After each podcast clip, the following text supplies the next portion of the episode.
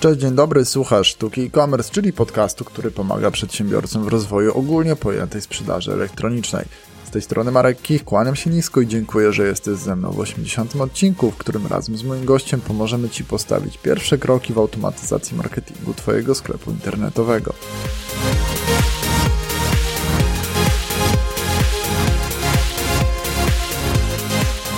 Automatyzacja marketingu często jest mylona z marketingiem na autopilocie. Raz ustawisz i samo potem leci, a tobie pozostaje tylko zbierać zamówienia.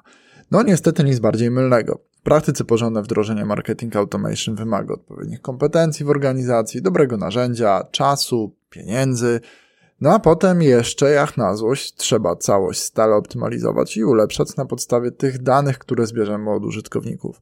Trzeba też w tym wszystkim pamiętać, że marketing automation nie jest dla każdego, nie każdy moment jest dobry na wdrożenie, no i można popełnić po drodze sporo błędów, więc koniec końców nie osiągniesz odpowiednich zwrotów z inwestycji. Jak się w tym wszystkim odnaleźć? W tym odcinku moim gościem jest Michał Konieczny, który o wdrażaniu marketing automation wie naprawdę dużo i tą wiedzą chętnie się z Tobą podzieli. Zapraszam do przesłuchania. Cześć Michał. Cześć Marku, witam wszystkich serdecznie, dziękuję za zaproszenie. E, kilka słów e, o mnie na start. E, od 2011 roku jestem zawodowo związany z branżą reklamową. Doświadczenie sprzedaży i obsłudze klienta zdobywałem w domach mediowych, agencjach interaktywnych oraz czołowych portalach horyzontalnych w Polsce. No, każde miejsce to jest nowe doświadczenie, które pozwala spojrzeć na klienta z nieco innej perspektywy. Natomiast od 2016 roku jestem związany z Edron, e, pierwszym narzędziem do marketing automation skierowanym e, tylko dla sklepów internetowych. No i w codziennej pracy zajmuję się edukacją klientów, e, prezentacją produktu i tworzeniem strategii marketing automation. Super, no ja zaprosiłem Cię, żebyśmy o tym marketing automation trochę dzisiaj sobie porozmawiali. Mam nadzieję, że z tej rozmowy wyjdzie nam no, jak to z tym marketing automation w ogóle jest? Może trochę mitów nam się uda obalić, może parę się uda potwierdzić. E, I zacznijmy może od takiego bardzo ogólnego pytania, bo ja mam takie wrażenie, że rynek e, marketingowy w tym momencie dzieli się na pół, e, być może nie w równej proporcji, ale dzieli się na tych, którzy próbują z marketing automation zrobić e, wszystko i że to jest w ogóle najlepsza rzecz i w ogóle marketing bez automatyzacji nie ma sensu. Są też drudzy, którzy no mówią wręcz przeciwnie, że u nich to się nie sprawdzi i tak dalej. I e, chciałbym, żebyśmy to przykleili do e-commerce'u e, i zaczęli tą naszą rozmowę od takiego bardzo ogólnego pytania z punktu właściciela sklepu internetowego, czy ja w ogóle, będąc właścicielem e-commerce'u, potrzebuję marketing automation? Mhm. No to jest pytanie, które y, jest oczywiste i nieoczywiste dla wielu e-commerce'ów, ja bym powiedział, ale to jest fundamentalne pytanie, na które wiele osób sobie nie zadaje ciągle pytania. E, I stąd e, mogą wynikać e, później sytuacje, w których ten marketing automation powiedzmy, nie, nie zadziałał tak, jak powinien w sklepie internetowym, bo wybraliśmy złe narzędzie, bo nie mieliśmy kompetencji, bo nie mieliśmy pomysłu. E, no więc, jakby takie pytanie pierwsze i odpowiedź na pytanie w stylu, co może dać mojemu sklepowi wdrożenie marketing automation, to jest pytanie, które sobie powinniśmy po prostu zadać, prawda? Czyli jakie realne problemy w moim sklepie internetowym marketing automation jest w stanie rozwiązać? Czy to jest problem bądź wyzwanie związane właśnie z brakiem powracalności moich klientów?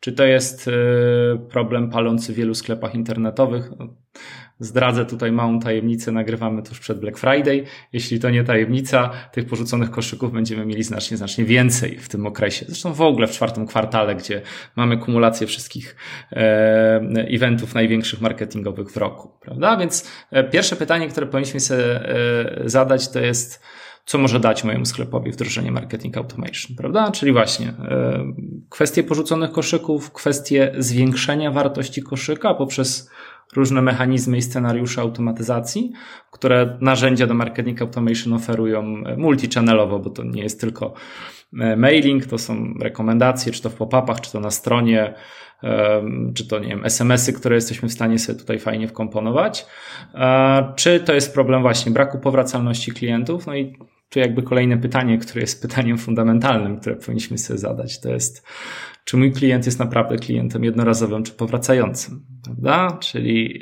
kiedy on wraca, jak często wraca i po co wraca, prawda? Um, więc to jest moim zdaniem takich no, kilka pytań krytycznych, które powinniśmy sobie zadać. No, kolejnym tym pytaniem pewnie będzie, czy mój ruch w sklepie jest wystarczający do wdrożenia marketing automation, prawda? Czy mam kompetencje do tego, żeby się tym marketing automation u mnie w organizacji zajmować? Kto ma e, te działania marketing automation realizować? No i wreszcie, um, ile ja mogę inwestować w to narzędzie? Um, no, nie widząc jakby na samiutkim początku jakichś takich turbo zadowalających efektów, bo musimy mieć w pamięci e, to i brać to pod uwagę, że marketing automation jest projektem w e-commerce'ach długofalowym. No bo pracujemy na kliencie, który jest klientem powracającym do sklepu, prawda? Więc e, przyrównałbym te działania i obserwowanie wyników e, marketing automation bardziej do działań, które prowadzimy pod kątem SEO niż do działań stricte reklamowych e, pokroju Google Ads. Prawda?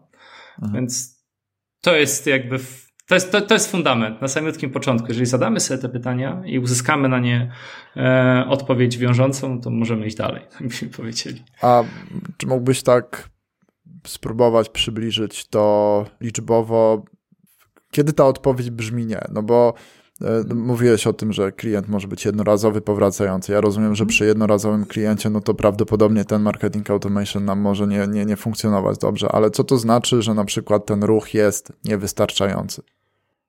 Tutaj chyba padnie ulubiona odpowiedź wielu marketerów, yy, której niekoniecznie lubią e, klienci, czyli to zależy. To zależy w zasadzie od kilku czynników, czyli od tego, no, po pierwsze, czy my handlujemy produktami, które są E, które mają powiedzmy nie wiem, wyższą wartość koszyka i powiedzmy uratowanie tych koszyków e, jest nam w stanie już zwrócić koszt narzędzia, czy handlujemy produktami o niskiej marżowości, bo ta marżowość jest jednym z elementów. Natomiast jeżeli miałbym sobie e, jednym z elementów, które decydują, czy warto marketing automation wdrożyć tu i teraz, czy jednak zastanowić się nad tym, czy nie pora tego procesu troszeczkę odłożyć no, na powiedzmy nie 5-6 miesięcy do przodu i na początku skoncentrować się na ruchu. Dla różnych branż to nie będą te same liczby, czyli dla jednego sklepu internetowego to może być kilkanaście, kilkadziesiąt tysięcy użytkowników w miesiącu, jakoś tam konwertujących, prawda? Raz lepiej, raz gorzej.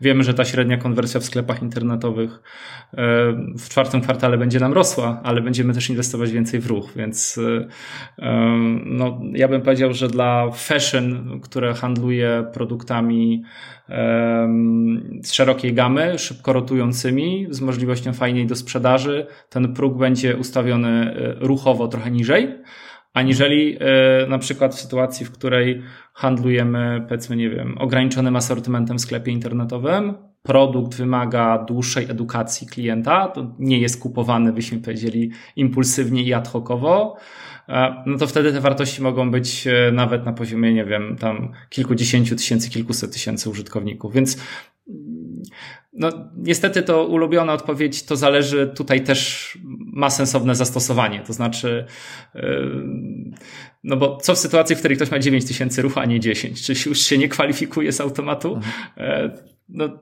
ciężko jest jakby jednoznacznie odpowiedzieć na to pytanie. Ale na pewno um, pierwszym kryterium, które powinniśmy brać pod uwagę, to jest, czy ja mam ruch w sklepie, czy mam transakcję, czy będzie po prostu na kim e, pracować, prawda? Czy ten klient będzie miał szansę E, w krótszym bądź dłuższym horyzoncie czasowym po prostu do mnie wrócić. I co ja mam mu do zaproponowania, prawda? Czyli czy mój model sprzedaży, e, który oferuje produktów, to będzie model bardziej subskrypcyjny, gdzie ja mu po prostu będę przypominał o tym, że pora jest, e, nie wiem, uzupełnić produkty. Nie wiem, jednym z takich fajniejszych marketing automation e, i case'ów, które pamiętam z głowy, no to był po prostu zestaw dla mężczyzn tam z brzytwami i pianką do golenia, który jest dość, e, można powiedzieć, po, po, powtarzalnym produktem, który mężczyźni kupują. Ci, którzy oczywiście golą się maszynką, prawda? E, a czy to będzie z kolei inna sytuacja, w której no, będziemy chcieli dosprzedać klientowi produkty do wcześniejszych produktów, które on kupował. No i tutaj fashion jest idealnym jakby miejscem do tego typu działań. A co powiesz o, o branży? Czy są jakieś branże, które są bardziej pokrzywdzone albo takie z gruntu skazane na niepowodzenie przy wdrożeniu marketing automation, albo może model sprzedaży? No bo ja, ja sobie myślę, że na przykład B2B, gdzie na platformie jest wiele koszyków, e, no to tam w ogóle ciężko zdefiniować, co to znaczy, że koszyk został porzucony. Tam też te procesy decyzyjne zupełnie inaczej wyglądają. Czy czy tam mimo wszystko jest jakaś szansa na wdrożenie, czy raczej warto się tego, tego nie podejmować? E, no, ja bym powiedział, że jak najbardziej warto się podejmować wdrożenia marketing automation dla B2B, bo mm, no, pomijając jakby aspekt porzuconych koszyków, gdzie słusznie zwróciłeś uwagę, że to nie są koszyki, które, e, nie wiem, są dwu, trzy, czy cztero, czy pięcioproduktowe, tylko najczęściej to są koszyki, które e, no, są po pierwsze kompletowane przez dłuższy okres czasu, po drugie tych produktów jest zdecydowanie więcej. Mm, ale tutaj marketing automation też ma zastosowanie. E, no, chociażby jakby z perspektywy mm, tej, która jest trochę mniej oczywista dla wielu osób w obszarze marketing automation, czyli edukacji klienta pod kątem produktów, pod kątem jakby korzyści, którą dajemy.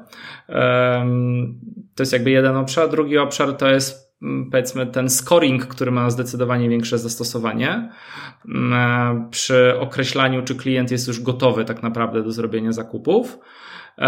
No i trzeci obszar, y, który również możemy sobie śmiało zautomatyzować, Aczkolwiek tutaj y, handlowcy w B2B y, no, dzięki zbudowanym relacjom też mają swój określony taryfikator dawania rabatów. To jest oczywiście właśnie sytuacja, w których marketing automation dla B2B y, jest również skorelowany po prostu z tym, że no, wydajesz więcej, to masz z tego tytułu jakieś automatycznie ekstra zniżki, prawda? Im, im, im ta wartość koszyka e, rośnie. To jest często praktykowane zresztą w wielu B2B, a nawet nie tylko B2B takich czystych, tylko również B2B e, i B2C, bo coraz więcej firm jakby widzi też w tym swoją wartość, żeby otwierać się na klienta detalicznego i tą stronę jakby mieć dostosowaną i podzieloną e, na pół, tak byśmy powiedzieli. No dobra, słuchaj, no to wiemy mniej więcej, y, kto mógłby na tym skorzystać. To wróćmy do tej kwestii y, tego podziału, o którym mówiłem na początku, że niektórzy widzą w marketing automation takie remedium na wszystkie problemy i, i uważają, że to właściwie rozwiąże y, to choć nie wiem, problemy z, z, brakiem zamówień, czy, czy jakoś tam faktycznie znacząco uratuje te koszyki. No jest też ta druga grupa, która raczej traktuje to jako taki powiedzmy, no może niezbędny dodatek, ale jednak mimo wszystko dodatek. E, I jak to wygląda z Twojego punktu widzenia? Czy, czy marketing automation może być traktowany jako taki lek na całe zło i taki, takie, wiesz, no, nowe wydanie marketingu w ogóle, jeżeli chodzi o e-commerce? Mhm. E, no, ja bym powiedział, że ze swojego doświadczenia, ze swojej praktyki już e, ponad sześcioletniej e, jestem w stanie wyodrębnić spokojnie pewną grupę klientów. Ja bym ich nawet szacował na pewnie, pewnie dobre 30-40%, tak jak miałbym zbiorczo sobie podejść do tych statystyk które szukają marketing automation właśnie jako remedium na wiele problemów w sklepie których marketing automation nie jest w stanie rozwiązać, bo nie jest po prostu do tego stworzone, tak byśmy powiedzieli. E, no i jakby jakie to są e, najczęściej obszary? No, tym obszarem, który często w trakcie rozmów i koli z klientami wychodzi, to jest obszar tego, że po prostu w naszym sklepie są pewne obszary krytyczne, byśmy powiedzieli, albo no, dość istotne, związane z błędami na stronie, które występują. Prawda? Czyli jakby z e, nie wiem, niewłaściwą szybkością działania koszyka. Mm, taka fajna statystyka, mm, do której też dotarłem, e, czyli że średnio e, tam jedna sekunda w ładowaniu koszyka wpływa na obniżenie konwersji na poziomie 7%. To też nie jest oczywiste, prawda? Czyli mamy problemy z koszykiem, mamy problemy, które tyczą się tego, że e, po prostu ten koszyk nie funkcjonuje tak jak powinien, nie wiem, jest e, niewłaściwie oznaczony e, call to action, batony na wersji mobilnej nie działają tak jak powinny. No, to jest jakby taki obszar, no, który w pierwszej kolejności powinniśmy poprawić, bo mm, no, jeżeli tego nie poprawimy, to marketing automation, który odzyskuje no, nie wiem, koszyk i wysyła kod rabatowy, no może na 1 na 10 czy na 15 przypadków zadziała pozytywnie. E, natomiast no, w wielu innych przypadkach klienci po prostu będą zniechęceni, no bo będą e, czekać za długo, żeby dodać produkt i go sfinalizować i iść dalej, tak byśmy powiedzieli, prawda? Więc to jest taki pierwszy obszar, którego marketing automation nie jest w stanie rozwiązać. Szybkość ładowania sklepu, no to tutaj też o tym sobie e, wspomnieliśmy, że to również ma e, dość kluczowe tutaj znaczenie. E, no obszar działania i budowania e, koszyka. Tutaj ja go trochę może rozwinę. Mam na myśli to, że e, no, wiele, e, wiele osób, które kupuje w sklepach internetowych, ma już pewne swoje upatrzone modele płatności, zakupy bez rejestracji, autouzupełnianie danych i tak dalej, i tak. No i teraz, jeżeli sklep internetowy generalnie takich opcji nam nie daje, czy my tam po prostu tych danych nie znajdujemy, które mamy już niejako zakodowane w DNA, e, no bo uczymy się kupować produkty w sklepach internetowych coraz szybciej i coraz bardziej intuicyjnie, no to jakby okazuje się, że e, no znów, no, jeżeli nie mam e, zaufania, zwłaszcza jeżeli kupuję po raz pierwszy w jakimś sklepie internetowym, nie wiem, do strony, mówiąc wprost, to ta strona nie wygląda zachęcająco i tak intuicyjnie zastanawiam się, kurczę, czy, czy, czy, czy ona jest, tak mówiąc kolokwialnie, bezpieczna. To jeżeli ja nie znajdę jakiegoś swojego modelu płatności, to marketing automation też nie będzie tu remedium na, na pewne problemy e, w sklepie. To jakby o tym powstają całe raporty. Bardzo zachęcam, e, pewnie i ty i ja mieliśmy styczność e, z bardzo fajnym raportem, który nazywa się po prostu koszyk roku, gdzie są przykłady best practice, jak wyglądają koszyki, jak należy jakby komunikować informacje, od kiedy jest darmowa dostawa, ile ci brakuje, suwaki, czyli konkretne stage w koszyku i tak dalej, i tak dalej, prawda? Więc mhm. to są obszary, w których marketing automation nam po prostu nie pomoże, jeżeli mamy e, problemy takie, no mówię, krytyczne, fundamentalne w sklepie. I to nigdy nie będzie remedium e, na nasze, na nasze problemy.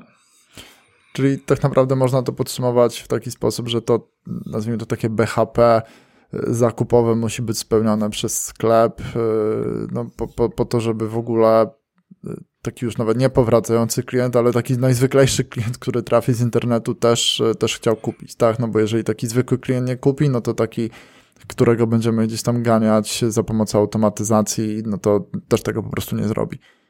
No, czy to w formie mailingowej, czy to pokazując jakby produkty w momencie, w którym klient wraca do nas na sklepie, prawda? I mam tutaj na myśli jakieś rekomendacje. Tak, tak, tak, tak, jak mhm. najbardziej. Ja bym jeszcze do tego dodał jeden obszar, który mm, jest już trochę mniej akcentowany w trakcie rozmów z klientami, ale on e, też gdzieś pobrzmiewa w komunikacji, a mianowicie Marketing automation jako recepta na brak ruchu w sklepie. No, marketing automation tego problemu nam nie rozwiąże.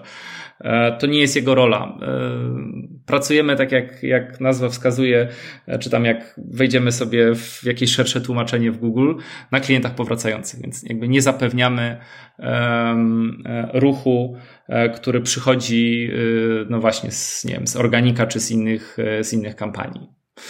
Więc to też jest ten obszar, który no, warto trochę odczarować.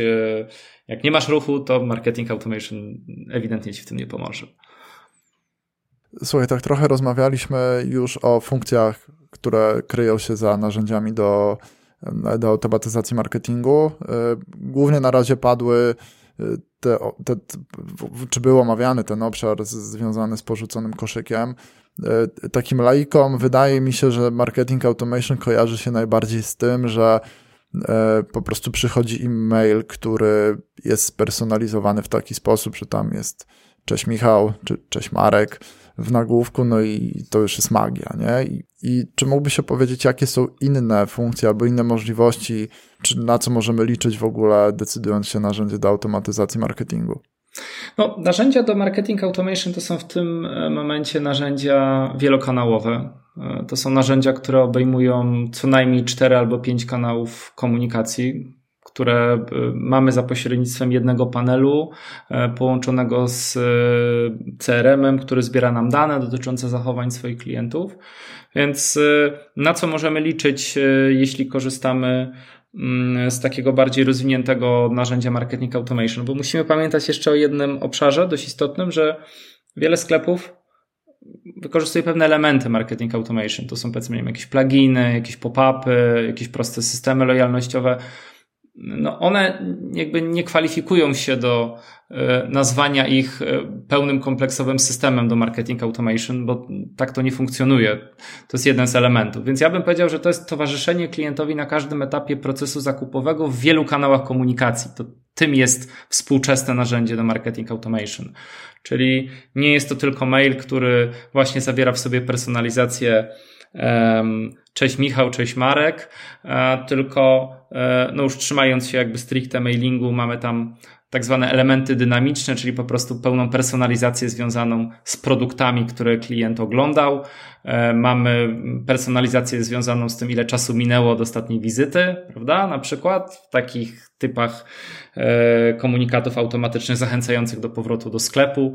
E, mamy możliwość implementacji oczywiście bestsellerów, czyli jakby produktów, które cieszą się u nas największą popularnością w sklepie i to też automatycznie jakby zaciąga nam się do formuły. No i wreszcie są to rekomendacje, prawda, które możemy serwować klientowi w oparciu o nie tylko ten jeden kanał komunikacji, jakim jest mailing, ale możemy to spokojnie przenosić e, na social media, e, na pop-upy, e, czy też na systemy rekomendacji budowane w sklep internetowy. Więc możliwości, tak jak mówię, jest, jest mnóstwo. No, trzeba tylko się zastanowić tak naprawdę, jak do tego tematu sensownie podejść i trochę robimy mały zwrot e, do pierwszego pytania, czyli jakie realne problemy bądź wyzwania w sklepie internetowym Marketing Automation jest w stanie nam po prostu rozwiązać. Tych narzędzi jest trochę. E, polskiej produkcji, zagranicznej produkcji. Jak wybrać to odpowiednie? O, no to jest temat rzeka, ja bym powiedział, jeśli chodzi o wybór narzędzia do automatyzacji marketingu. E, dlatego, że, mm, no, tak jak słusznie zauważyłeś, jest sporo polskich narzędzi, e, narzędzi klasycznie e, skierowanych e, albo na klienta B2C, albo na klienta B2B. Te B2B to są narzędzia bardziej deweloperskie, ja bym powiedział, czyli takie, które dają bardzo, możliwe, bardzo dużą możliwość e, kustomizacji. One oczywiście też z powodzeniem funkcjonują e, w B2C, ale no, horyzont wdrożeniowy takiego narzędzia jest, e, jest, ja bym powiedział, trochę inny aniżeli kupno pudełkowego narzędzia, które jesteśmy w stanie bardziej na zasadzie plug and play sobie E, wdrożyć, odpalić, pobrać wtyczkę i po prostu zacząć tą przygodę. E, natomiast e, no, jak się za to zabrać najlepiej? No, po pierwsze, musimy sobie zadać pytanie właśnie, jakich funkcji potrzebujemy, co ten dany soft zawiera wewnątrz, czyli czy powiedzmy, nie wiem, mamy pewne podstawowe funkcjonalności, które są dostępne w każdym narzędziu do marketing automation, jak nie wiem, narzędzia do e-mail mailingu, do segmentacji klientów, zaawansowane segmentacje, pop-upy, które zbierają bazy bądź systemy rekomendacji, czyli prawda, co wchodzi w skład narzędzia. No to jest takie pierwsze pytanie fundamentalne, które powinniśmy sobie zadać. E, następnie E, jakie są koszty związane z licencją bądź ewentualną obsługą, czyli czy my będziemy na to narzędzie patrzeć z perspektywy tego, że my się go po prostu nauczymy, czy będziemy potrzebowali jakiegoś ekstra wsparcia ze strony supportu, bądź nawet wsparcie związanego z obsługą. Część narzędzi E, tak jak wspomniałem, to są narzędzia e, bardziej takie, no, nazwijmy to deweloperskie, czyli ich wdrożenie e, to nie jest horyzont tam, nie wiem, półtora miesiąca, dwóch miesięcy, tylko horyzont sześciu, siedmiu miesięcy albo nawet czasami ośmiu, dziesięciu miesięcy. I tam za część funkcjonalności będziemy mieli po prostu w cenie, a część, tak mówiąc bardzo technicznie, eventów, które będziemy potrzebowali skonstruować, aby ustawić sobie jakąś ekstra automatyzację, będzie po prostu ekstra płatnych. Prawda? Więc to jest jakby kolejny obszar, który powinniśmy sobie e, tak naprawdę zdiagnozować i, i, i rozłożyć na czynniki pierwsze. Um, Kolejny taki obszar dość istotny z perspektywy kosztów, o tym pewnie też będziemy sobie mówić e, za kilka chwil, e, z jakimi kosztami wiąże się narzędzie do marketing automation, no to one mają różne modele rozliczeń, więc tu też potrzeba nam zorientować się, czy będziemy po prostu mieli płatność za, nie wiem, wysyłkę tylko maili, bo to jest jakby podstawa wielu rozliczeń, jeśli chodzi o softy, czy będziemy, nie wiem, mieli rozliczenie od bazy klientów, czy może będziemy rozliczali się od jakichś odsłon, które są wygenerowane E, w momencie, w którym, e, no nie wiem, soft jest podpięty, prawda? No, serwery i dostarczalność, czyli jakby takie też e, istotne rzeczy, e, czyli no nawet jeżeli stworzymy fantastyczną komunikację marketingową, ona będzie świetnie dopasowana, wysłana w odpowiednim momencie, no to jeżeli ona nie będzie trafiać po prostu e, w odpowiednie miejsce, czyli do, do skrzynki głównej, e, no i nie będzie dostarczana na czas, zwłaszcza tutaj, jeżeli mamy na myśli e, klientów z bardzo dużymi bazami, e, no to skuteczność będzie, jak wiemy doskonale, no, spadać, a nie rosnąć, bo po prostu część klientów w ogóle z tym komunikatem nam się nie zapozna. Robiąc taki research i zastanawiając się nad tym, ok, to jakby e, jakie ja narzędzie potrzebuję, to powinniśmy się e, zastanowić, jak ja jestem w stanie go efektywnie wdrożyć z perspektywy IT, prawda? Czyli e, jak ja mogę to narzędzie zintegrować, czyli czy muszę mm, patrzeć na dokumentację API, muszę to zlecić albo agencji, albo jakimś programiście, który jest u mnie na stanie, żeby on się z tą dokumentacją zapoznał i spróbował to narzędzie po prostu podłączyć do sklepu internetowego, czy będę bazował po prostu na pluginie prawda? E, które no, powiedzmy większości narzędzi takich e, pudełkowych e, możemy sobie pobrać. Większość narzędzi oferuje tego typu integracje. No i to jest wtedy horyzont, powiedzmy, nie wiem, takich 50 minut, czasami nawet mniej, gdzie podłączamy sobie wtyczkę i widzimy, że zaczyna nam spływać ruch już dotyczący zachowań klientów w sklepie. Takie pytanie, które mm, też jest istotne do zadania przy wyborze narzędzia.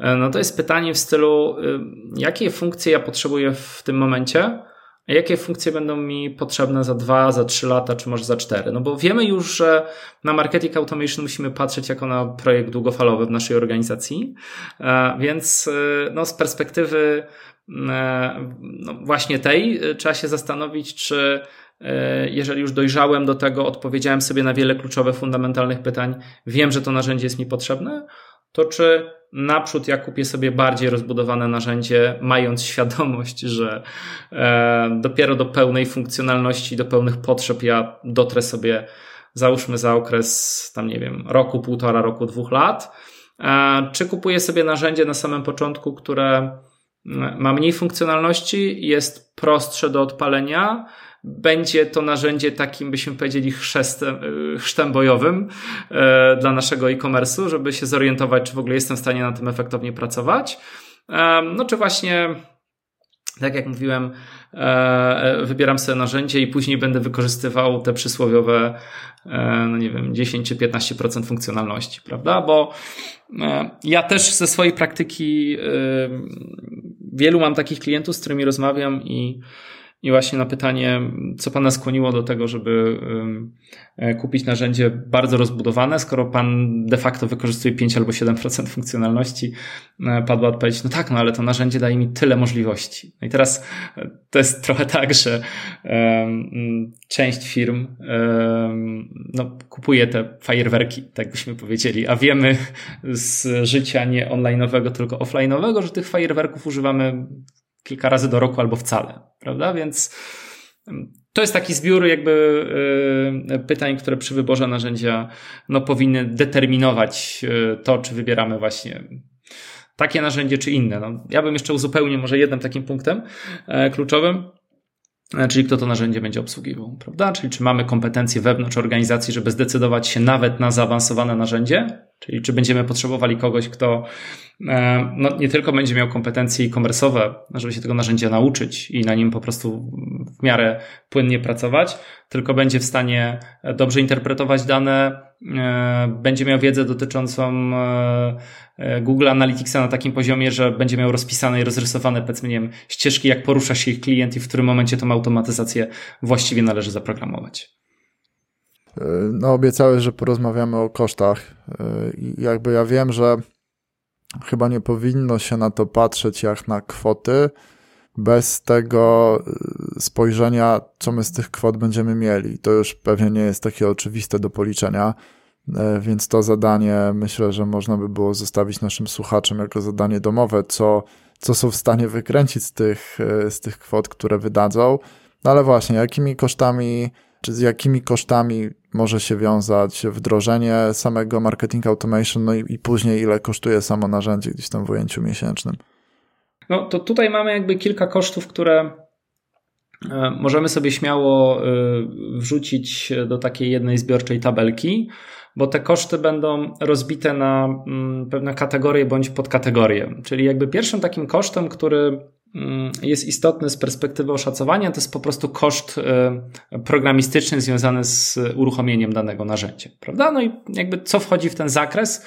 no tu będziemy mieli e, albo wykonanie tej integracji dedykowanej przez API, o której mm, e, wspomniałem kilka chwil temu, albo będzie to po prostu podpięcie modułu i zainstalowanie wtyczki. No i tu w zależności od jakby biegłości programisty bądź łatwości integracji, to możemy sobie oszacować no, najczęściej tam na pomiędzy kilka kilkanaście godzin, prawda?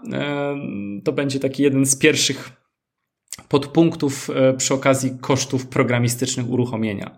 E, kolejnym punktem e, no, będzie obszar feedu produktowego. Mm, można powiedzieć, że feed produktowy oprócz integracji wtyczkowej to jest takie drugie must have, żeby no, naprawdę mieć pewność, że wszystkie dane, mm, produkty, i ceny zaciągają nam się prawidłowo w naszych automatyzacjach, czy to mailowo, czy wyświetlają nam się w sposób E, prawidłowy na stronie, więc fit produktowy, no, dostosowanie go pod wymogi narzędzia to będzie nasz kolejny podpunkt, który musimy sobie mm, zakosztorysować, byśmy powiedzieli. No, ustawienie Analyticsa, czyli spięcie tego, żeby dane były właściwie przekazywane e, z narzędzia e, do softu, no to jest jakby kolejny obszar. No i pewnie takie koszty niestandardowe, godzinowe, które mamy no, przy okazji, nie wiem, sprawdzenia poprawności integracji, przeniesienia poprawności integracji z środowiska y, testowego na środowisko produkcyjne, bądź po prostu inne tego typu działania. No i jeżeli sobie dokonamy takiego podsumowania plus minus, ile to może nam zająć E, czasu pracy, no to myślę, że tak kilkadziesiąt godzin, pomiędzy 30 a 50 godzin jesteśmy w stanie sobie e, na to zabudżetować. Czasami oczywiście mniej, tak jak wspomniałem, jeżeli będzie to integracja wtyczkowa. No i jakby kolejny obszar to jest obszar e, mm, już taki nieprogramistyczny, tylko bardziej marketingowy, czyli obszar no, związany z wyborem narzędzia. I tutaj proponowałbym po takim pierwszym wstępnym researchu, który soft jest dla nas intuicyjniejszy do pracy, po prostu czujemy się z nim dobrze, zawęzić sobie wybór do, kilku narzędzi, no zrobić oczywiście ten przegląd dotyczący wyboru funkcjonalności, tego czego my autentycznie potrzebujemy, rozpisania sobie, no więc wybór tej oferty y, w tych kosztach y, nieprogramistycznych no też będzie nam trochę ważył te kilkanaście e, godzin. E, no, zapoznanie się z narzędziem i szkolenie z tego narzędzia, prawda? W większości przypadków, jeżeli mamy E, narzędzia polskie, no to raz, że mamy nagrane tutoriale, mamy nagrane filmy, e, wideo, które czy to w formie jakiegoś takiego, nie wiem, zamkniętego VOD, czy po prostu materiałów dostępnych e, na YouTubie, konkretnego narzędzia, konkretnego softu, no to jakby na to też będziemy musieli potrzebować czas. Opracowanie strategii, to będzie kolejny obszar, no już taki operacyjny. E, scenariusze automatyzacji, czyli gdzie jakie scenariusze uruchamiamy, prawda, jak one mają funkcjonować, jak one mają e, wyglądać z perspektywy kopii, kreacji, logiki działania, czyli czy mają się przysłowiowo uruchomić, e, nie wiem, kilka godzin po porzuceniu koszyka i być dopasowane do ścieżki zakupowej klienta, czy, czy mamy to, mm, powiedzmy, nie wiem, no trochę przesunięte w czasie, bo ten proces jest, jest dłuższy. No i przygotowanie kontentu, tekstów, grafik i oczywiście ustawienia narzędzia. No i mm, jak jakby oszacować e, to kwotowo? No myślę, że to jest kwota na poziomie e, co najmniej kilkunastu tysięcy idąc wzwyż. Te koszty też będą w zależności od tego, e, czy to będzie nasza pierwsza przygoda z marketing automation, czy to będzie kolejna przygoda, no bo pomimo tego, że te narzędzia, jeśli chodzi o logikę działania, będą się od siebie różniły, no to my przynajmniej będziemy wiedzieli, nie wiem, jak przygotować kreację, jak ustawić właściwe kopii, prawda? Więc y, to nam troszeczkę pójdzie sprawniej. Wszystkich Państwa, którzy słuchają teraz naszego y, podcastu, to chciałbym zachęcić też do odwiedzenia e, takiego jednego partnera, który był odpowiedzialny za przygotowanie takiego kompleksowego poradnika dotyczącego marketing automation. To jest firma Convertis. Mogę tu śmiało powiedzieć, że wiele narzędzi do marketing automation uczestniczyło w E, w konsultacjach na temat e, właśnie tego, jak się za ten proces zabrać i znajdziecie tam Państwo raz, że wywiady, a dwa, no taki kompleksowy skoroszyt, który sobie po prostu można pobrać i, i zrobić szacunek. Więc e, te koszty przygotowania będą się kształtować, tak jak wspomniałem, na poziomie tych no, kilkunastu tysięcy wzwyż. Ja bym powiedział, że to może być nawet 20, 20 parę tysięcy. No i pozostaje nam już kwestia taka stricte związana z kosztami narzędzia, prawda? Czyli z kosztami um, miesięcznymi, które będziemy płacić. Um, o, najczęściej rok, bo e, tak jak e, wspominałem, patrzenie na marketing automation przez pryzmat e, dwóch czy trzech miesięcy i oczekiwanie rezultatów porównywalnych do kampanii adsowych jest jednym z większych nieporozumień, które oczywiście też w przestrzeni się pojawiają, bo część e-commerce'ów, które decyduje się na skorzystanie z konsultacji, na w ogóle zapoznanie się z tego typu narzędziem i możliwościami, no, gdzieś te pytania ma. No, z drugiej strony one jakoś muszą być zbenchmarkowane. No, oni biorą sobie jakiś punkt odniesienia do wcześniejszych jakby wyników, które są realizowane. No i naszą rolą, czy tam rolą dostawców jest po prostu skonfrontowanie e, tych wyników e, no, z realiami, które towarzyszą pracy na kliencie powracającym, a nie na nowym kliencie, prawda? E, no więc mhm. w zależności od tego, czy to będzie właśnie, nie wiem, narzędzie, które kosztuje nas kilka, kilkanaście tysięcy, no to taką płatę będziemy miesięczną płacili. Tak jak wspomniałem, no jest kwestia tego, jak to narzędzie jest rozliczane, czyli czy będziemy się rozliczać za bazę, czy będziemy rozliczać się po prostu za wolumen wysyłanych maili. E, no i praca bieżąca na tym narzędziu, prawda? Czyli taki jeden z mitów, którymi e, też e, mam okazję się zmagać, czyli no ustawimy i będzie działać samemu, prawda? coś, co w dzisiejszych czasach niestety nie ma racji bytu. Pomimo tego, że marketing automation w samej nazwy ma być automatyczne, to jednak musimy optymalizować te działania musimy sprawdzać, czy prawidłowo działa nam integracja, czy wszystkie eventy są prawidłowo przetwarzane ze sklepu do platformy Marketing Automation, e, no aby nas, powiedzmy, nie wiem, e, kreacje czy szkielety wiadomości w zimie czy w lecie nie zastały, prawda? Czyli musimy na tym po prostu pracować. No i to jest kolejny koszt, który mm, jakby musimy sobie wliczyć. Więc przechodząc do tego obszaru pierwszego roku e, wdrożenia narzędzia do marketing automation, czyli odkładając na bok koszty programistyczne, koszty nauki narzędzia, tylko stricte pracę na, narzędzie, na narzędziu i e, koszty wynikające z umowy, po prostu z dostawcą, no to tutaj, tak jak mówię, e, może być to kwota kilkudziesięciu tysięcy złotych, a jeżeli jesteśmy dużym e-commerce'em, który ma naprawdę solidną bazę mailingową, bo to jest w większości przypadków podstawą do rozliczenia, e, no to te koszty mogą mieć nawet w 100 tysięcy rocznie, albo nawet więcej, prawda? Mhm. Więc e, tyle jeśli chodzi o, o, o, taką informację kompleksową, żeby to wszystko policzyć i mieć świadomość po prostu, czy na ten eksperyment, czy na tą przygodę z marketing automation nas po prostu stać. No, ja na pewno podlinkuję ten, e, te, te publikacje, o której mówiłeś. Zresztą też miałem okazję poczytać i wydaje się, że, yy, że, że, że warto, że warto, więc podlinkujemy. E, słuchaj, Michał, no to jakich błędów się wystrzegać w takim razie, żeby ta inwestycja, o której mówisz, no po prostu się zwróciła? Mhm. No, tych błędów możemy popełnić, ja bym powiedział. Yy kilka, kilkanaście i w wielu obszarach. E, może zacznijmy sobie od takiego obszaru, który jest obszarem, e, no właśnie, no, związanym z wyborem narzędzia, czyli po prostu e, no, musimy jakby mieć pewność, że wybraliśmy właściwe narzędzie, które spełnia nasze potrzeby, znamy modele rozliczeń, wiemy jak to narzędzie działa, wiemy, że mamy tam funkcje, które spełniają nasze zapotrzebowanie biznesowe, prawda? Czyli, no, no bo to jest jakby jeden z kluczowych obszarów, bo my później z tym narzędziem zostaniemy. Prawda? Więc pierwszy taki obszar, jakiego błędu nie popełniać, no po prostu nie wybierać narzędzia, które nie jest dostosowane do naszych potrzeb. Bardzo często um, prezentacji narzędzia towarzyszy wersja demonstracyjna, więc no po prostu zapoznajmy się z tym narzędziem, przeklikajmy się przez nie, Miejmy poczucie, że rozumiemy e, logiki, wiemy jak działa dane narzędzie e, i jak pewne rzeczy jesteśmy sobie w stanie w miarę szybko e, stworzyć. Więc obszar narzędzia no to jest taki pierwszy, pier, pierwszy obszar, gdzie można po prostu podjąć no, złą decyzję.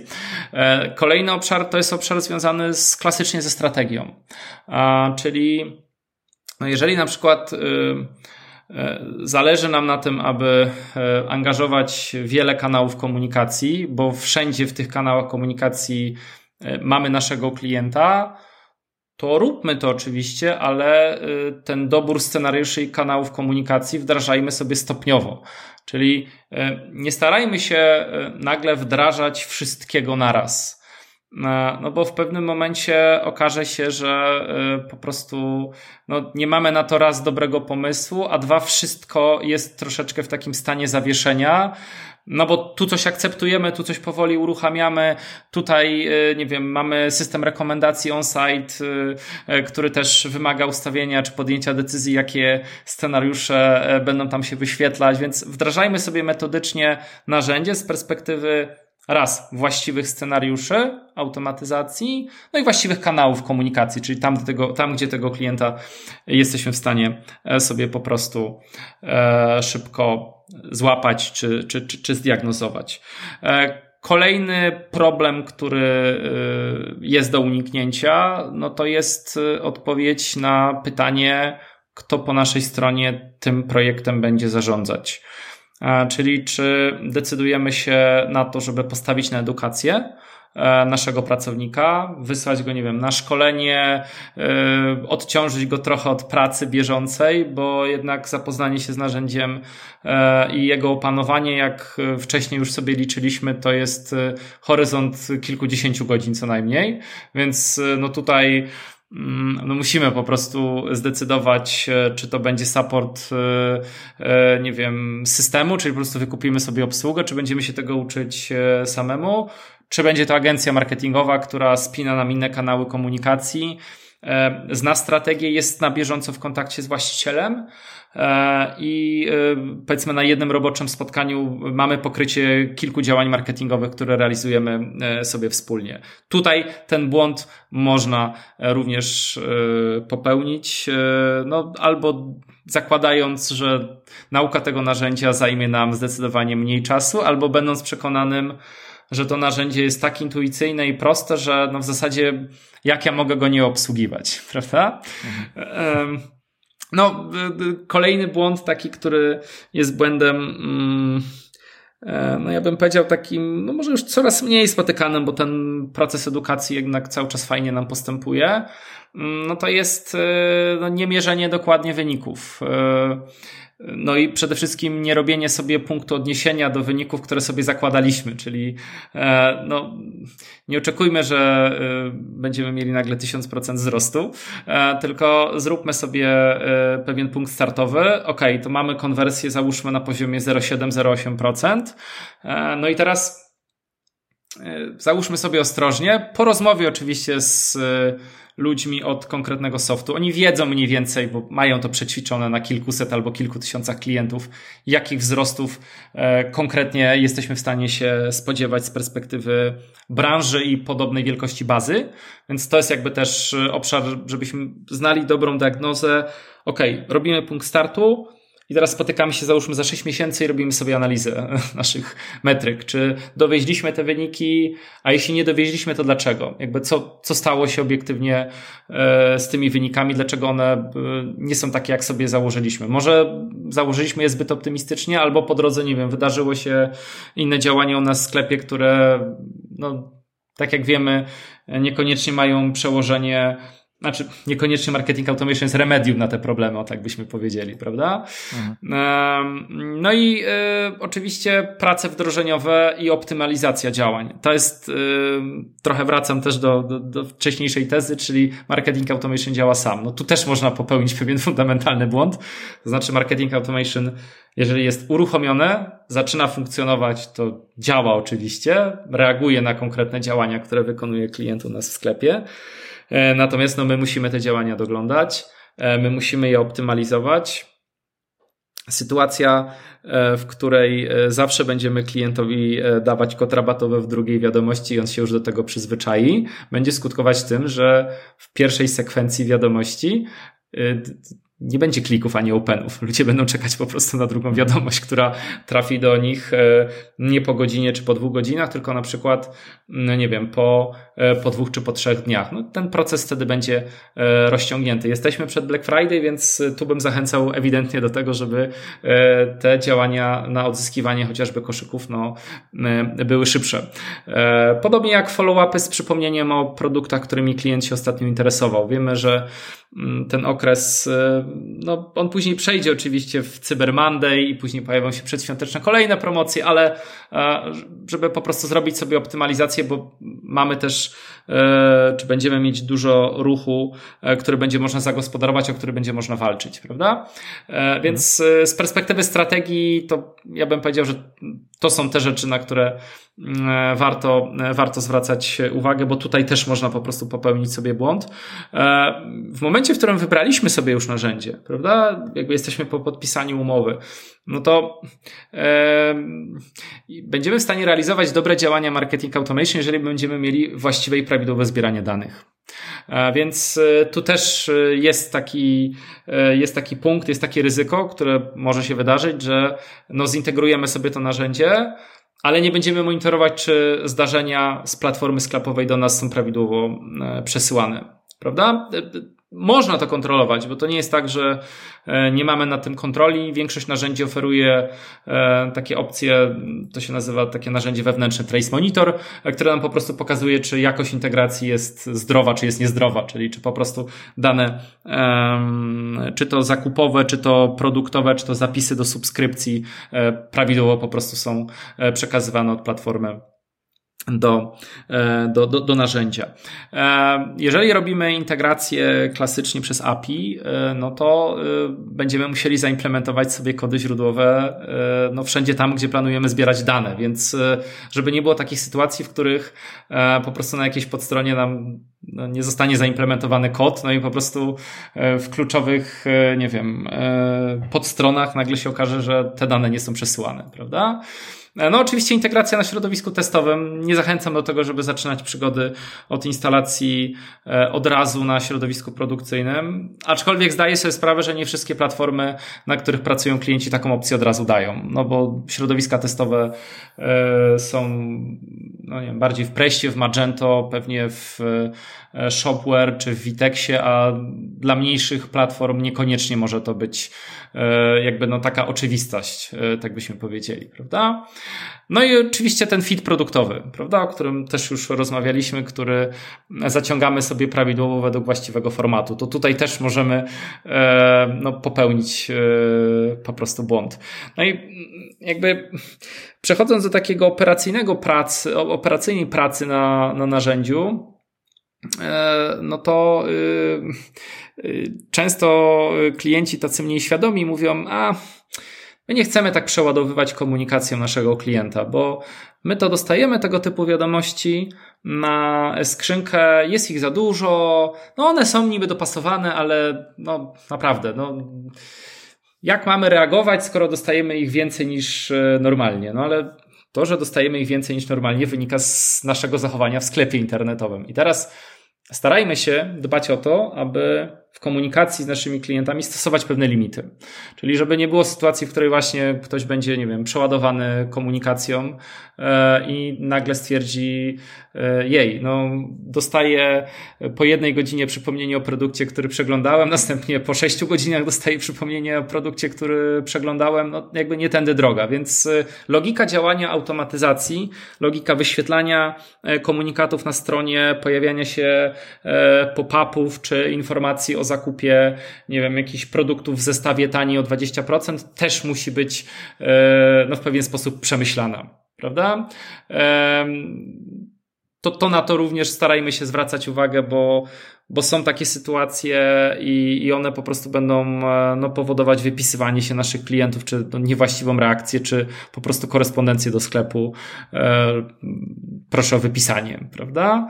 Um, E, co myślę, że jeszcze warto dodać, e, to jest, żeby nie popełniać błędów w sytuacji, w której Mamy już fajną diagnozę dotyczącą tego, jak klient u nas kupuje w sklepie, czyli jakby wiemy, ile on razy potrzebuje wejść do naszego sklepu, ile razy oglądać jakiś produkt, zapoznać, czy może, nie wiem, skontaktować z pracownikiem obsługi na czacie.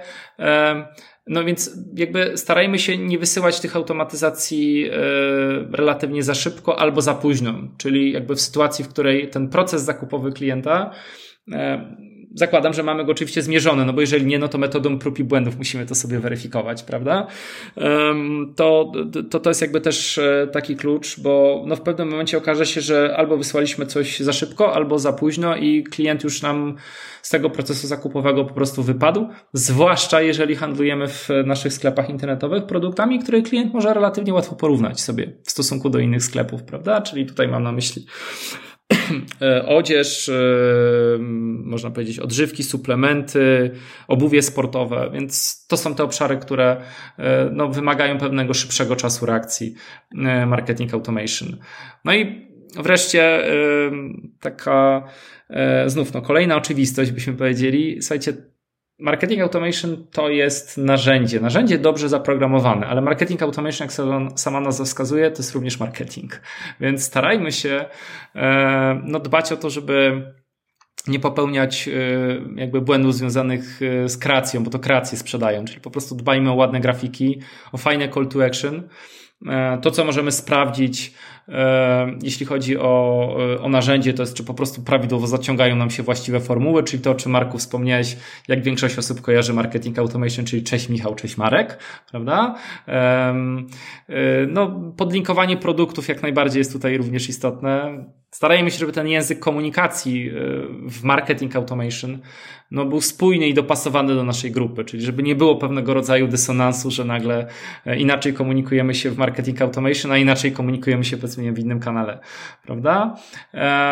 No segmentujmy też klientów e, w oparciu o dane, czyli jeżeli mamy segmentację załóżmy w, bazującą na przeglądaniu przez klienta produktów, no to jeżeli on robi wstępny research w sklepie, to on będzie przeglądał bardzo wiele produktów. I później sukcesywnie e, on będzie sobie wybierał te produkty, które go najbardziej interesują. Więc możemy na przykład w segmentacji określić sobie, że klient musi powiedzmy nie wiem, spędzić określoną ilość czasu na podstronie albo przeglądnąć ten produkt określoną ilość razy i to będzie dla nas faktycz, faktyczny pretekst i pomysł, żeby zainteresować się tym, że autentycznie te produkty są w obszarze zainteresowania tego klienta prawda?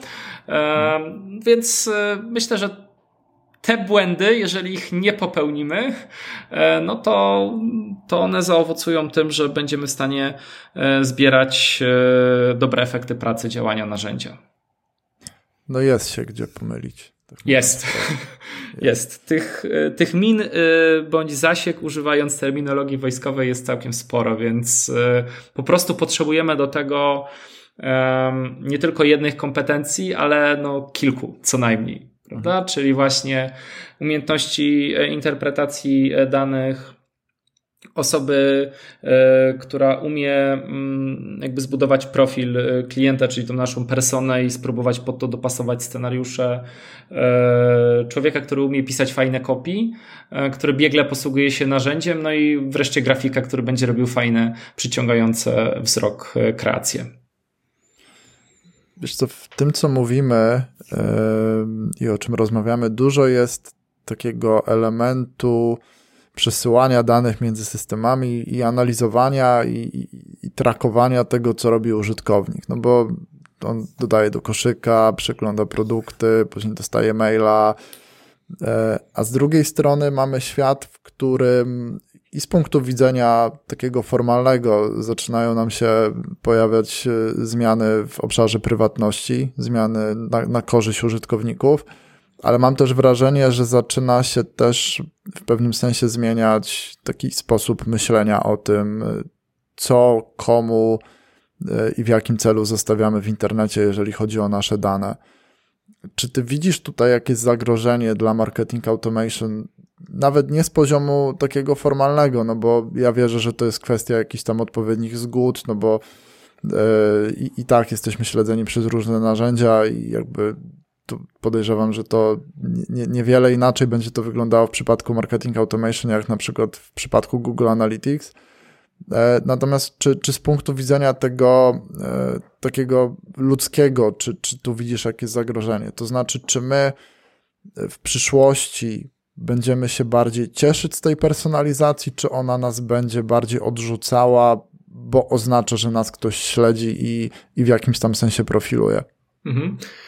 E, no to jest bardzo ciekawe pytanie, dlatego że ono w zasadzie e, zawiera w sobie dwie tezy. To znaczy tezy albo pewne zdania, które funkcjonują e, na szeroko pojętym rynku. Czyli z jednej strony jest prawdą to, co mówisz, że ludzie wychodzą z założenia jeżeli nie jesteśmy pewni swoich danych, to nie będziemy je e, upubliczniać albo dzielić się nimi.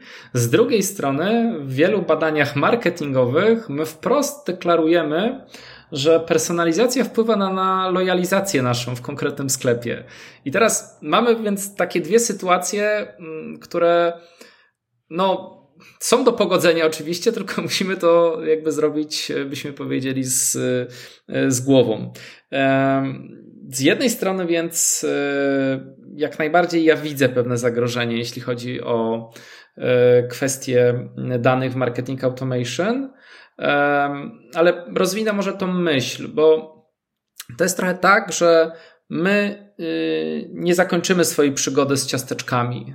Ciasteczka nam będą towarzyszyć, e, no bo bez ciasteczek E, nie będziemy w stanie, nie wiem, nawet dodać produktu do koszyka, bo będziemy mieli po prostu e, ciasteczka, które e, nam to będą umożliwiać i jeżeli sobie zrobimy taki eksperyment i wyłączymy, no to po prostu nie będziemy w stanie normalnie funkcjonować w tym ekosystemie e-commerce'owym.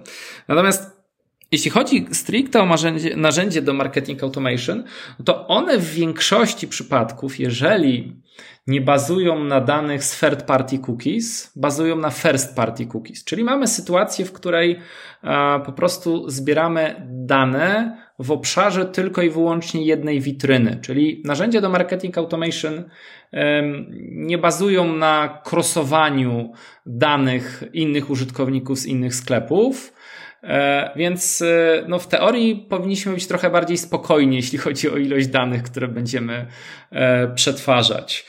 No bo większość narzędzi do marketing automation po prostu funkcjonuje na tej zasadzie, że to jest first party data, jest w domenie klienta jesteśmy traktowani wtedy e, jako no, pewna natywna część sklepu internetowego, tak byśmy powiedzieli, a nie zewnętrzne narzędzia, więc e, no, można powiedzieć, że ten problem mm, nie jest na tyle istotny, e, jeśli porównamy sobie sytuację, w której mamy dostawcę usług marketingowych, który organizuje aukcję, ma zgromadzone ciasteczka, identyfikuje klienta na stronie jeszcze e, przed momentem, w którym ten ktoś wpisuje adres mailowy i daje nam zgodę. Prawda? Więc jakby te dwie rzeczy e, potrzeba sobie trochę rozgraniczyć.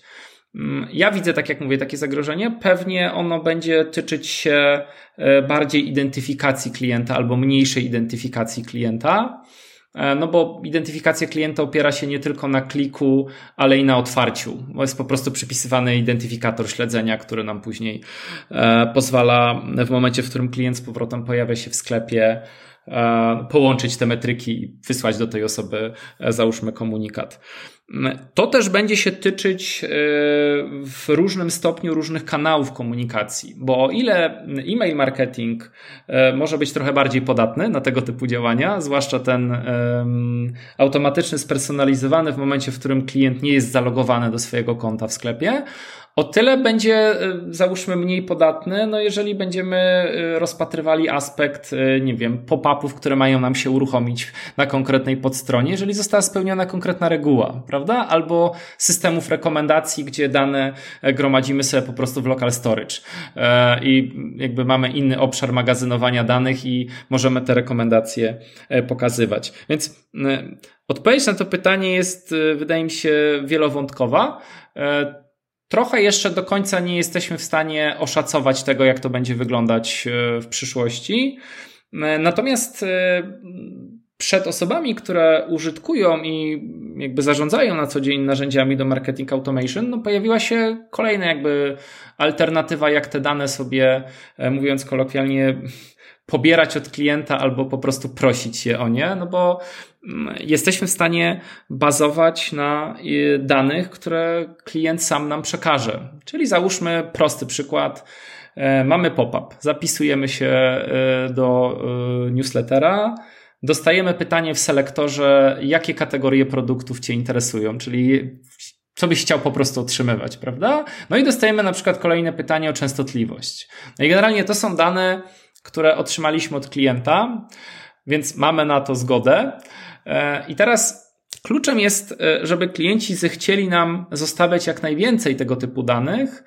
Oczywiście będziemy pewnie potrzebowali, e, bo wiadomo, że uwaga i atencja zawsze kosztuje, w jaki sposób ich za to wynagradzać.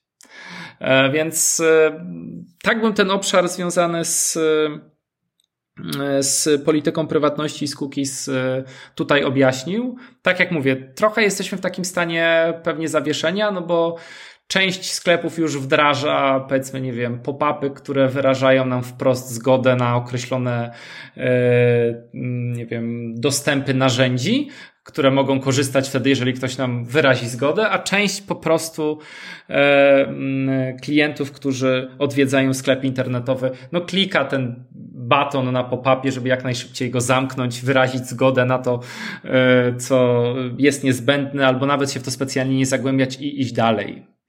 Więc e, no, zobaczymy, można powiedzieć. Wyjdzie, wy, wyjdzie w praniu. Jasne. E, no dobrze, Michał, no to na koniec, czy w temacie naszej rozmowy są jakieś dodatkowe materiały o marketing automation, które ty byś szczególnie polecił? To mogą być książki, wideo, nagrania, cokolwiek ci przyjdzie do głowy. E, ja bym zachęcał wszystkich do tego, żeby po pierwsze odwiedzili sobie wszystkie blogi no najczęściej dostawców, bo one są najregularniej update'owane, gdzie po pierwsze zapoznają się z możliwościami, jakie dają konkretne narzędzia, ale też zdobędą po prostu fajną wiedzę marketingową, co e, z konkretnym scenariuszem, czy z konkretnym pomysłem na automatyzację bądź personalizację na stronie jesteśmy w stanie sobie osiągnąć jest organizowany, y, no to jest jakby już trend, który cały czas funkcjonuje. Y, bardzo wiele webinarów. Każde praktycznie narzędzie organizuje webinary poświęcone marketing automation, nie tylko z perspektywy narzędzia, ale z perspektywy właśnie pomysłów na to, y, co i jak z konkretną funkcjonalnością możemy zrobić, więc jak najbardziej też. Czy jest jakiś jeden dedykowany podcast o marketing automation? To boję się, że nie. Więc tutaj zachęcam, żeby mm, wszyscy widzowie i nasi słuchacze mieli okazję e, no, zapoznawać się z podcastami osób, e, które dzielą się merytoryczną wiedzą o e-commerce, czy to Twój podcast, czy to podcast Marcina Rudzika, czy to podcast Grzegorza Frączaka, taki szeroko e-commerce'owy, który później da im podwaliny pod automatyzację, bo musimy pamiętać, że automatyzacja w tym e, całym etapie budowania zdrowego i dobrze funkcjonującego e-commerce'u nie jest na tych pierwszych miejscach, tylko raczej jest dopiero już w momencie, w którym e, mamy ogarnięty ruch, mamy dobrze funkcjonującą platformę, Wixowo wszystko jest ok, wtedy możemy myśleć o, o wdrożeniu narzędzia do marketing automation, znów robiąc pewną dygresję pod warunkiem, że mamy klienta powracającego, no, albo e, mamy mamy po prostu pomysł na to, żeby marketing automation pełnił u nas e, funkcję czystą edukacyjną, czyli po prostu e, lead nurturingował, podgrzewał tego klienta, przedstawiał korzyści produktu. Jest chyba jednak publikacja książkowa, o ile dobrze orientuję się, dotycząca marketing automation. Ona została zaktualizowana nawet do zeszłego roku, więc bodajże wydawnictwo PWN, więc zachęcam, żeby też sobie zerknąć i zobaczyć na, na właśnie tą publikację, bo myślę, że tam też jest kompendium wiedzy dotyczące e, tego typu działań. To jest ciągle młoda dziedzina, e, albo gałąź marketingu, jakbyśmy powiedzieli w Polsce, bo ona liczy sobie 6-7 lat, więc tu raczej nie będziemy się doczekiwać pewnie publikacji książkowych, bo podobnie jak w innych obszarach, e, no życie szybko wyprzedzi i zaktualizuje tą wiedzę.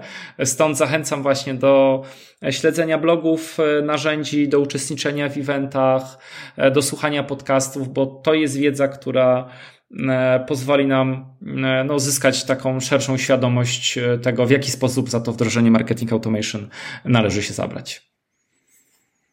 No to na koniec pytanie czysto inspiracyjne, takie, które każdy gość już usłyszał.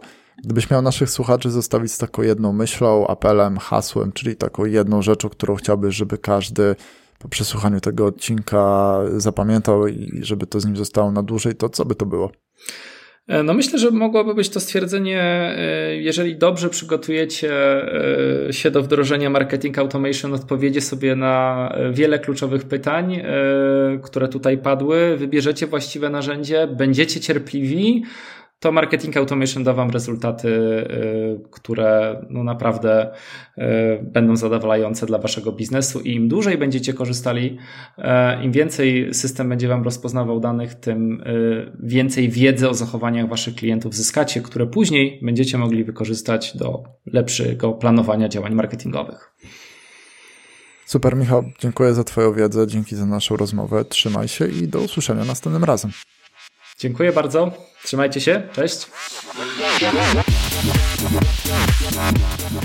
Mam nadzieję, że po naszej rozmowie wiesz, jaki powinien być Twój następny krok w kierunku wdrożenia marketing automation. Zanim sobie pójdziesz, standardowa moja prośba.